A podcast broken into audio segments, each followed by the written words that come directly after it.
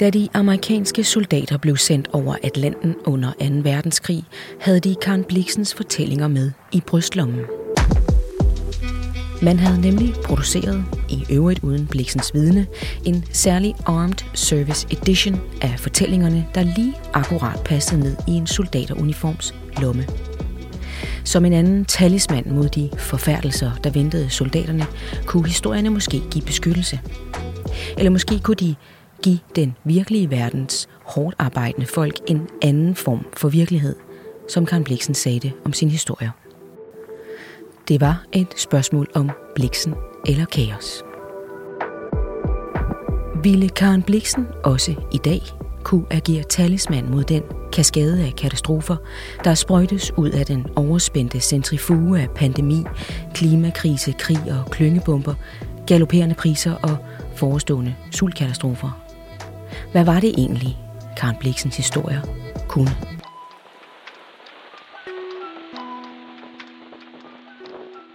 Birte Melgaard, seniorredaktør. Jeg har lyst til at sige seniorkorrespondent. Okay. Her på Gyldendal. Øh, du har været redaktør for store forfattere som Susanne Brygger, Ida Jessen og øh, Claus Rifbjerg.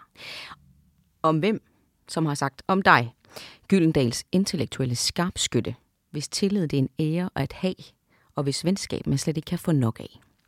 Det er derfor ikke helt uden ærefrygt, at jeg siger stort velkommen til dig, Birte. Tusind tak, og jeg rødmer, og det er alt for meget. det siger du altid.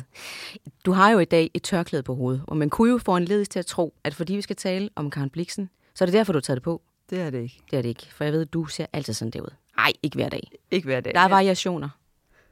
Ofte. Ja. du er jo også berømt for sætningen, og nu læser jeg op. Nogle har lidenskaber, andre har kun interesser. Jeg har en lidenskab. Birte Mengård, fortæl os lige om dit forhold til Karen Bliksen. Jamen, det er jo nok tæt på at være lidenskabeligt, og det er et forfatterskab, som har fulgt mig lige siden jeg var helt ung, og jeg har beskæftiget mig med det, og så kan man jo selv regne ud, at det er temmelig mange år siden, at jeg begyndte. Så skal vi sige, før 45 års interesse for et forfatterskab. Og hvad vil det sige at have beskæftiget sig med det? Jamen, jeg har jo læst det, øh, jeg har beskæftiget mig med det under studietiden, og man kan sige rent akademisk, og så har jeg siden som lystlæser beskæftiget mig med det. Både i forhold til primærteksterne og i forhold til sekundærlitteraturen. Og der har jeg jo så også i kraft af min, mit redaktørjob været øh, involveret i mange af de udgivelser af sekundær litterær karakter. Og hvad, øh, der er kommet. Hvad, hvad betyder hun personligt for dig? Betyder noget personligt? Er der ja, nogle ja. af fortællingerne, der betyder noget personligt for dig? Jamen afgjort. Altså hvis man virkelig holder af et forfatterskab, og der er jo andre forfatterskaber, jeg også holder utrolig meget af, så bliver man jo farvet i sit syn på tilværelsen, på livet. Altså det bliver jo et særligt prisme, man ser igennem. Og det kan være på, på, på altså både positivt og negativt. Er der noget negativt? Du har Jamen, med? nogle gange så kan man tænke, at det er noget sludder, eller det passer ikke, eller... Øhm, men det følger en umærkeligt. Det synes jeg, det gør. Mm. Hun er jo, øh, eller hendes historier, er jo ikke det, man normalt vil kalde for let tilgængelig stof, som Nej. man lige kan skrålæse nedover. Øh, alligevel er hun jo blevet verdensberømt og oversat til alle de større sprog. Ja. Hvor, hvordan, hvorfor tror du, at hun alligevel er blevet så populær, hvis hun faktisk kan være svær at forstå? Hun er svær at forstå. Øhm, men der er altid en god historie. Man kan altid sætte sig ned og bare læse det for handlingens, for plottets skyld. Og så er det, man kan begynde med analyse og fortolkning. Og så kommer alle lagene, der ligger nedenunder. For eksempel er hendes tekster spækket med litterære referencer. Jeg kan ikke finde dem. Det er der nogen, der har sat sig ned og gjort for de enkelte værker. Men, men alle de store klassikere kunne hun jo stort set udenad. Bibelen, Shakespeare. Og hun, ja, og hun lægger det ind rundt omkring. Jeg er en storyteller, en fortalerske. Og så uendelig mange af de bøger, som vi nu elsker, de er jo blevet til gennem et mundtligt foredrag. Bibelen, eller Homer, eller de nordiske sagaer, eller Tusind og en nat, er formodentlig blevet fortalt og gået fra mund til mund i mange hundrede år, før de til sidst er blevet skrevet ned. jeg vil sige en fortælling, som en af de allersværeste i forfatterskabet, det er den, der hedder Søndfloden over Norderney. Det er den midterste historie i syv fantastiske fortællinger. Jamen, jeg vil mene, der er til 10 aftener en studiekreds på aftenskolen, bare for den ene fortælling. Så meget stof og gods er der i den ene historie. Men man kan læse det for det narrativs skyld. Og hun vidste det jo også godt selv, og hun lagde en af sine figurer i den historie, der hedder Drømmerne, sige, fordi man kun forstår halvdelen af en historie, gør det den jo ikke ringere. Nej. Og det synes jeg faktisk er en fantastisk sætning. Ja. Det, at man kan godt tænke lidt over den, faktisk, Ja. den sætning. Ja. Karen Bliksen, eller Dinesen, som hun er født, kommer til verden på Rungsted Lund den 17. april 1885. Hendes far, Wilhelm Dinesen, var godsejer, politiker, forfatter, jæger og eventyrer, og Bliksen bliver fars pige. Men faren tager livet af sig selv, da Bliksen kun er 10 år gammel. Fortællekunsten, oprøret og eventyret har faren dog formået at videregive til den unge Bliksen, som allerede fra helt ung skriver skuespil, tegner og maler. Men som 28-årig keder den unge Dinesen sig. Hun rejser til Afrika med sin forlovede, bror Bliksen. Her bliver hun bestyrer af den berømte kaffefarm. Hun får et nært og varmt forhold til de lokale. Hun lærer sig Swahili og går på storvildtjagt, hvor hun nedlægger både løver og geparder. Kaffeplantagen ender dog med at gå konkurs. Undervejs er ægteskabet også gået i stykker, og Bliksens helt store kærlighed, Dennis, dør i et flystyrt.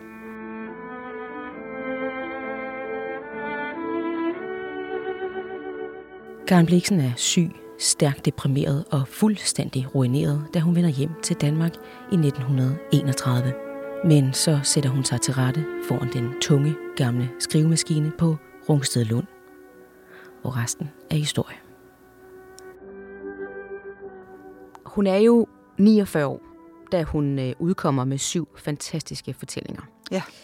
Det er måske ikke lige den alder, man normalt forbinder med et øh, litterært gennembrud. Nej. Øhm, man kan så sige, at hun havde et meget, meget langt tilløb. Ja. Fordi der var nok ingen tvivl om, at hun skulle gå en kunstnerisk vej.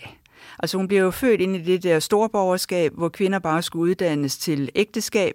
Der var ikke noget med at få nogen uddannelse. Hun kommer afsted på en tegnemaleskole. Hun maler en lille bitte smule. Hun skriver også lidt forskelligt. Hun får offentliggjort nogle små ting, men det er ikke rigtig noget.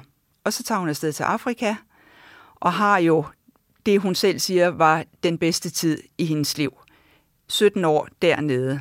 Og så kommer hun hjem og er fuldstændig totalt afpillet. Hendes ægteskab er gået i stykker, hendes elsker er død, farmen er gået i konkurs, hun ejer ikke en klink, og hun har nogle historier med hjem i kufferten. Og der er det, hun skriver nogle ekstra, og det bliver til syv fantastiske fortællinger. Og så kan man sige, at førhen, og det er jo det, man meget ofte ser, førhen, der ville hun gerne skrive. Mm. Nu havde hun noget at skrive om, og det er den helt store forskel. Mm. Og hun sagde selv, jeg kom blodigt ind i litteraturen. Det så må vi sige. så sige, ja, men hun kom ind. Ja, hun kom. Så tak for det. Men øh, kan man mærke det i hendes fortællinger, at det altså er en dame, der ikke bare har øh, mærket livet og, og, og prøvet nogle forskellige ting, men altså i den grad mærket livet. Altså hun er jo fuldstændig afpillet, ruineret, øh, smadret, øh, sygdomsbefængt, har jeg lyst til at sige. Ja, det var hun Øh, også. Hun var også syg. Et hårdt liv indtil da. Kan man mærke det i litteraturen? For den er jo ellers meget fantasifuld og eventyrlig og fuld af... Jamen, det ligger jo i tematikken, at hun sætter alt det, hun selv har været igennem, det sætter hun jo øh, på skrift. Mm. Kvinders vilkår blandt andet. Hun sagde selv, at jeg ikke forstand på kvindesag, jeg er ikke feminist, men alligevel store dele af forfatterskabet handler om, hvor svært det er for kvinder at komme ind i tilværelsen. Fordi normkravet er så helt ufatteligt stort. Mm. Der har mænd en større frihed. Altså hun er selv opvokset i et miljø, hvor hun skulle giftes, og så var det lige med lykken. Og det er jo det, hun siger nej til. Ja. Men det er også et miljø, som jo øh, knuste den øh, kraft, den frihedstrang, alt det, som hun mente, der var i hende. Fordi det miljø, som, som så var morens families miljø, det kaldte hun en mælkebrødsdiæt. Og det var det der fuldstændig på det jævne. Altså, de havde penge nok, det var ikke mm. det. Men hellere gråt i gråt end sort og hvidt, og hun sagde, jeg vil have det sort-hvide. Og alligevel kan man jo sige, at hun øh, på sin aldrende dage øh, fortryder jo, at hun ikke fik børn, for hun kigger jo på sin øh, svigerinde, tror jeg det hedder, Ja. øh, som har fået fire børn med hendes bror, Ja. og siger, du fik fire børn, jeg blev verdensberømt. Øh, du er helt klart lykkeligst. ja, det sagde hun. Ja, så der er alligevel noget konventionelt. Jeg ved, ikke, om det, jamen, jeg, jeg ved jo ikke, om det passer. Det, det er der jo ingen af os, der kan vide. Nej. Men hun, hun, hun ville i hvert fald gerne have haft et barn med sin store kærlighed, Dennis. Øhm, det ved vi heller ikke helt. Nå, Det ved vi heller ikke. Det er lidt uafklaret. okay. Der går måske, historier Måske i hvert har fald. hun været gravid. Måske har hun fået en abort. Øhm, øhm, frivilligt, ufrivilligt. Der er ingen, der ved det. Nej. Det kan vi ikke læse ud af brevene. Men hun har højst sandsynligt været gravid i sommeren 26. Mm. Der er hun 41. Ja. Og der er heller ikke nogen tvivl om, at hun i hvert fald, uanset hvad, vælger hun friheden og det vilde liv og eventyret, uanset Hun hvad. vælger, hun vælger friheden på den måde, at hun siger, jeg bryder, skal vi kalde det værdimæssigt med min familie. Hun bryder jo ikke med dem på nogen måde fysisk, men hun vil gerne definere livslykken anderledes.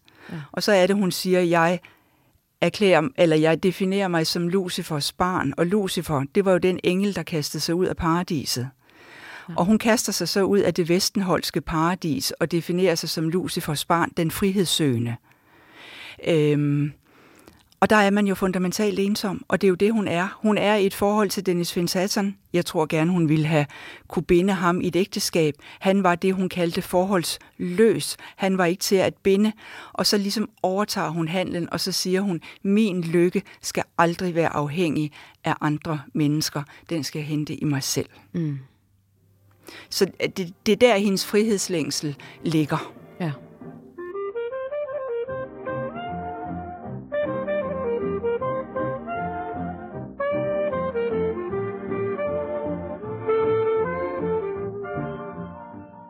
Hun har jo, øh, som du sagde lige før også, altid fortalt historier.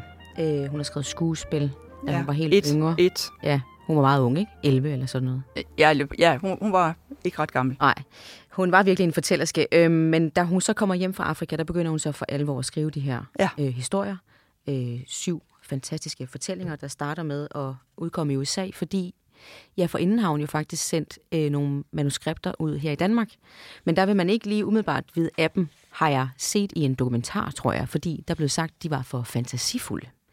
Så de røg til de store stater, øh, hvor de fik øh, kæmpestor øh, berømmelse med det samme. Både den og den, den der kom før det, øh, nej, efter det, øh, Out of Africa, øh, den afrikanske farm, som øh, begge blev valgt som Book of the Month i Ja. USA. Som er Ja. den store bogklub, det skal vi lige sige. Ja. Altså hun solgte Meget fint over betydning. ordinært, og så kom hun og blev månedens bog i deres bogklub. Nemlig, Og så røg der lige små 300.000 eksemplarer til. så er vi i gang. Ja. Hvad siger man så hjemme i Danmark, da den så også udkommer på dansk? Hvordan bliver det taget imod? Altså først skal det siges, hun udgav jo ikke under sit eget navn i USA. Hun udgav under pseudonymet Isak Dinesen. Dinesen, det var hendes fars navn. Øhm, og så begyndte man jo at finde ud af, at der åbenbart var en dansk forfatter, der udgav i USA, og hvem var nu det? Og der gik ikke forfærdeligt længe, før man fandt ud af, at det var Karen Bliksen, der gemte sig bag det der pseudonym. Jeg skylder også lige at sige, at hun jo faktisk selv har skrevet dem på engelsk. Mm. Engelsk var jo hendes hovedsprog i Afrika, og hun skrev historierne på engelsk, og det gjorde hun et øh, godt stykke ind i forfatterskabet. Hun gendigtede så på dansk, og der er faktisk nogle små forskelle imellem den amerikanske engelske og så den danske. Øhm, Det er også nemmere, når man selv har skrevet det på begge sprog. ja, det bliver meget mere originalt og Ja. bedre. Jeg vil sige, der er en af hendes historier, der er oversat af en anden, og så gendigtede hun den bagefter. Og der er ingen tvivl om, at det er hendes egen gendigtning, der er langt den bedste. Ja. Der kan man bare se oversættelser. Det er ikke bare sådan. Det er ikke det samme. Det er ikke det samme. Ja, hvordan ser man på det? Hun udkommer jo så i 34 i USA, og så kommer hun i 35 i Danmark. Og der fik hun især en anmeldelse af den tids store anmelder, øh, Frederik Syberg. Mm-hmm. Og han brød sig bestemt ikke om det. Nå, Og det var så en af de anmeldelser, som hun stort set kunne uden ad og citere stående på et ben og med lukkede øjne. Altså sådan er det, og det har jeg jo så oplevet. Der er også andre forfattere, de kan ikke rigtig de gode, men de husker alle de beske. Øhm, og jeg er så heldig, at jeg faktisk har den i en kopi. Og den er altså også grum. Øh, den hedder et stykke blændende øh, kunstnerisk simili af en begavet, men forskruet forfatterinde. Hold derop. Ja, og det ender med, at det er øh, raffineret og simili helt ud til spidsen af de rødlakerede negle. Altså virkelig. Spydigt. Ja, det var meget, meget spydigt. Det må jeg sige. Hvad er essensen af den anmeldelse? Hvad, hvad, hvad, hvad, hvad var der galt? Jamen, det, det, det, det ved jeg ikke. Altså, vi kan sige, at hun var jo meget fremmed i det litterære miljø. Vi er i 30'erne, og i midten af 30'erne, der sad Hans Kirk og skrev om fattige fiskere på vestkysten. Vi havde Måns Klitgaard, der skildrede baggårdene i København. Øhm, vi havde de der arbejderforfattere, øh, flipproletariatet Kjell Abel, der skrev om de fattige kontorister med den lurvede påklædning på de små kontorer. Og så kommer der to, der stikker ud i 30'erne. Den ene, det er Kai Munk, og den anden, det er Karen Bliksen. De var helt ude af det litterære miljø. Mm-hmm. Og det er da klart, det har man da ikke brudt sig om, når det handlede om fattigdom på vestkysten og i baggårdene. Ja. Og så kommer hun, og det foregår alt sammen i aristokratiet. Det er lagt 100-200 år tilbage i tiden, og vi, vi, vi, øh, vi er i en, jeg vil ikke sige en kunstig verden, men en dybt fremmed verden. Synes du, det var upassende, når nu man havde taget hul på det her med at øh, afbillede verden, som den nu engang ser ud, at hun så kom her med sin fuldstændig vilde eventyr og fortællinger fra det forrige århundrede? Altså nu skal vi jo ikke gøre Syberg til øh, øh, talsmand for hele anmelderkorpset og hele læserskaren, men... Men, øh, Men de sagde jo også til at starte med, at de var fra, ikke lige ham, men øh, nogen forelægger i hvert fald, at det var lidt for fantasifuldt. Altså var man inde i en periode nu, hvor man synes, nu skulle vi altså... Ja, have socialrealisme. Ja. Helt klart socialrealisme. Og jeg vil lige sige, det var den her anmeldelse, der gjorde, at hun resten af sit liv mente, at hun aldrig blev tilstrækkeligt anerkendt i Danmark. Okay, den har virkelig sat sig fast. Den satte sig fast. Ja. Det gjorde den. Jeg tilhører, jeg er måske en af de sidste, af en elgammel, ørkesløs, vild, unødig stamme, som igennem mange tusind år og i alle lande og verdensdele af og til har sat sig ned imellem de hårdt arbejdende, hæderlige folk i det virkelige liv, og så under tiden har haft held til for dem at skabe en slags anden virkelighed, som på en eller anden måde har tiltalt dem. Man kan jo sige i forhold til, øh, ja, de ja, de eventyrlige fortællinger, kan man godt sige, men i hvert fald øh, senere hen i forfatterskabet betyder, måske allerede fra starten af, det her med iscenesættelse og teater og maskerade øh, meget i litteraturen. Hun skriver også i, øh, jeg tror det er den afrikanske farm, på din maske skal jeg kende dig. Ja, det er nu fra Søndfloden over Norderney, Søndflod- men lad nu det være. Sorry, Lad der kommer det eksperten. Nej. Men øh, hvad, hvad, hvad, kan, man, kan man udlede noget af den her hang til iscenesættelse? Eller sådan, er der noget i hendes karakter, som... Jamen, så vil jeg jo hellere gribe tilbage til forfatterskabet og så sige, at lige nøjagtigt i Søndfloden over Norderney, der falder den sætning, på din maske skal jeg kende dig. Og det er, fordi der er en skuespiller, som er endt som tjener for en kardinal. Han slår kardinalen ihjel, og så iklæder han sig hans kostyme, og så spiller han kardinal, og han gør det eminent. Og det er, fordi dette, denne maske, han har taget på, det er en forlængelse af hans væsen. Og det er derfor, siger Bliksen, man skal altid iklæde sig det kostyme, som fremviser ens væsen. Altså, en almindelig dansker, der bliver inviteret til et karneval, vil sige, godt, så møder vi op som luder og lommetyv. Det vil Bliksen jo aldrig sige, fordi hvis ikke du er luder eller lommetyv, så skal du komme sådan. Du skal finde din inderste kerne, og så skal du gøre den stor. Nu ser jeg lige, at vi har den her. Ja. Den har forsiden, hvor hun har iklædt sig et pjerret-kostyme. Og det er jo fordi, at hun tænker, at i pjerret-figuren, der ligger der en forlængelse af hendes væsen. Mm-hmm. Og det er der maskeraden, den ligger. Og da hun kommer hjem fra Afrika, så siger hun jo, at der er tre roller for hende at spille. Hun kan blive heks, priorinde eller bedstemor. Så tager vi dem bagfra. Bedstemor kunne hun ikke blive, for hun har ingen børn. Priorinde, der var ikke noget ledigt frøkenkloster, hun kunne blive priorinde i, ergo måtte hun blive heks. Og der er det, hun i scene sætter sig som heks. Og hvis man går ind og prøver at analysere den figur, så er det jo faktisk kunstneren. Ja. Øhm, så ja, på den måde betyder maskerade noget. Så det er ikke i forbindelse, altså man skal ikke ligesom være en anden, end man er. Nej, en, en, hver dig selv gange en fem. overdyrkelse af sig selv Ja. på en eller anden måde. Ja. Overfremvis billedet. Mm-hmm. Det vil jeg sige. I 1959 har jeg læst mig frem til, at hun faktisk tæt på at få Nobelprisen i litteratur. Det er der i hvert fald nogen, der hævder. Øh, Hemingway skulle så efter sine have sagt til sin kone, at han blandt andet mente, at Isaac Dinesen, blandt andre, øh, havde fortjent den mere end ham. Øh, samme år er hun på foredragsturné i USA, altså 1959. Det er ja. altså, hun er monster populær på det her tidspunkt. Øh, hun ender med at være der i flere måneder. Og så møder hun en, øh, en af tidens allerstørste filmstjerner. Ja, øh, hun beder faktisk om at komme i selskab med Marilyn Monroe. Hvorfor vil hun gerne møde hende? Det ved jeg ikke. Nej. Øh, men det lader sig gøre. Altså hun øh, bliver ført sammen med den meget kendte amerikanske forfatterinde Carson McCullers, og hun kender Arthur Miller, som på det tidspunkt er gift med Marilyn Monroe. Mm. Og så sørger Carson McCullers for lige at få et frokostselskab arrangeret. Og der er der så en, øh, en pressefotograf til stede, og der bliver taget en masse billeder og reportage, ser og hører i, om, hvordan at det møde gik. Men der er nogle billeder, som efterhånden er blevet ikoniske, og jeg synes jo, at det er fantastisk. Du har jo et form for originalfoto stående ja, her foran os, ikke? Ja, i, i hvert fald lidt af de gamle aftryk af det billede. Ja. Og jeg synes jo, de er fantastiske. Hvordan var det, du fik det billede? Jamen, det var fordi, der var en sød journalist over på Berlingske Tidene, som så, at de var ved at digitalisere billedarkivet, og så smed de de fysiske billeder ned i papirkorn. Og så fiskede han det op og kom over med det til mig, for han synes, jeg skulle have det. Det synes jeg var sødt af ham. Nej, det var sødt. Det var sødt. Men det er et fantastisk billede, fordi der sidder Marilyn Monroe øh, med al sin sin sødme og sin svulstighed, og så sidder Karen Bliksen, der på det tidspunkt vejede 35 kilo og var 40 år ældre. Og jeg ved, der er en, der engang har sagt, at den ene oser af sex, og den anden emmer af erotik.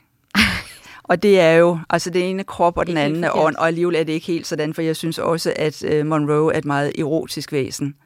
Men de sagde jo i hvert fald om Bliksen, at hun var meget lidt seksuel, men vanvittigt erotisk. Og det er noget andet, der er lidt pudsigt. De ender jo faktisk med at dø på samme tidspunkt. Ja, de dør begge to i 62. En, ja, i sensommeren 62. Ja. Nu kan jeg ikke få det her til at stå stille. Det er, det er lidt, øh, ja. Men, men øh, er det, du har et citat også ja, med? Ja, som jeg synes, den, det vil jeg godt der. Ja, fordi så bagefter, så skriver øh, Karen Bliksen om sit møde med øh, Marilyn Monroe det er ikke det, at hun er smuk, selvom hun naturligvis er fantastisk smuk, men at hun på en gang udstråler en grænseløs vitalitet og en slags utrolig uskyld. Jeg har set det samme hos en løveunge, som mine indfødte folk i Afrika bragte mig. Jeg vil ikke beholde den. Det vil jeg have gjort. Nej.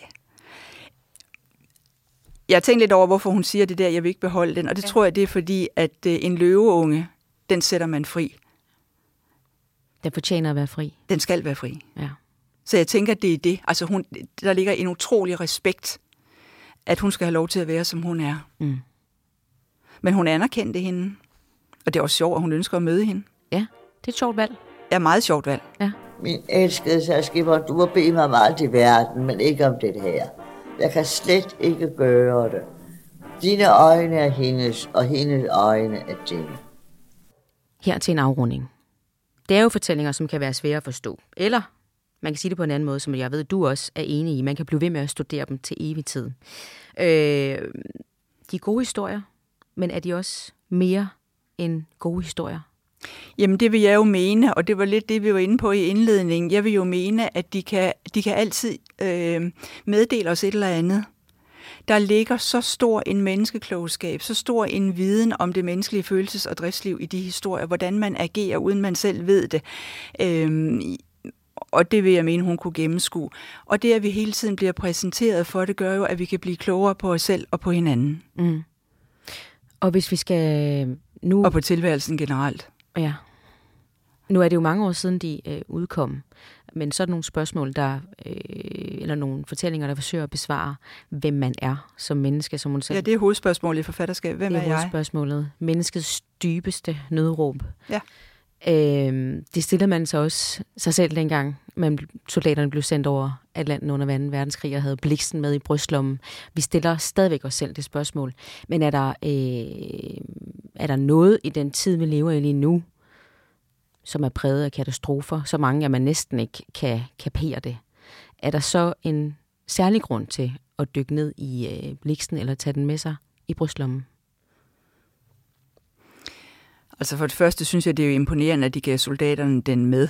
Altså mit indtryk af i dag, der er det den lettere underholdning, man rejser ud med. Der synes jeg, det er imponerende, at de har stukket soldaterne vintereventyr. Jamen, jeg vil jo mene, at det er måske en luksusbetragtning, at uanset hvor meget verden er i brand, klimakrise, Ukrainekrig, hvad som helst, så er der jo altid nogle grundeksistentielle spørgsmål, som mennesket er nødt til at stille sig selv. Og det er muligvis privilegeret, at vi har overskud til at stille os selv de spørgsmål. Eller en overlevelsesstrategi. Eller en overlevelsesstrategi, det kan du også sige.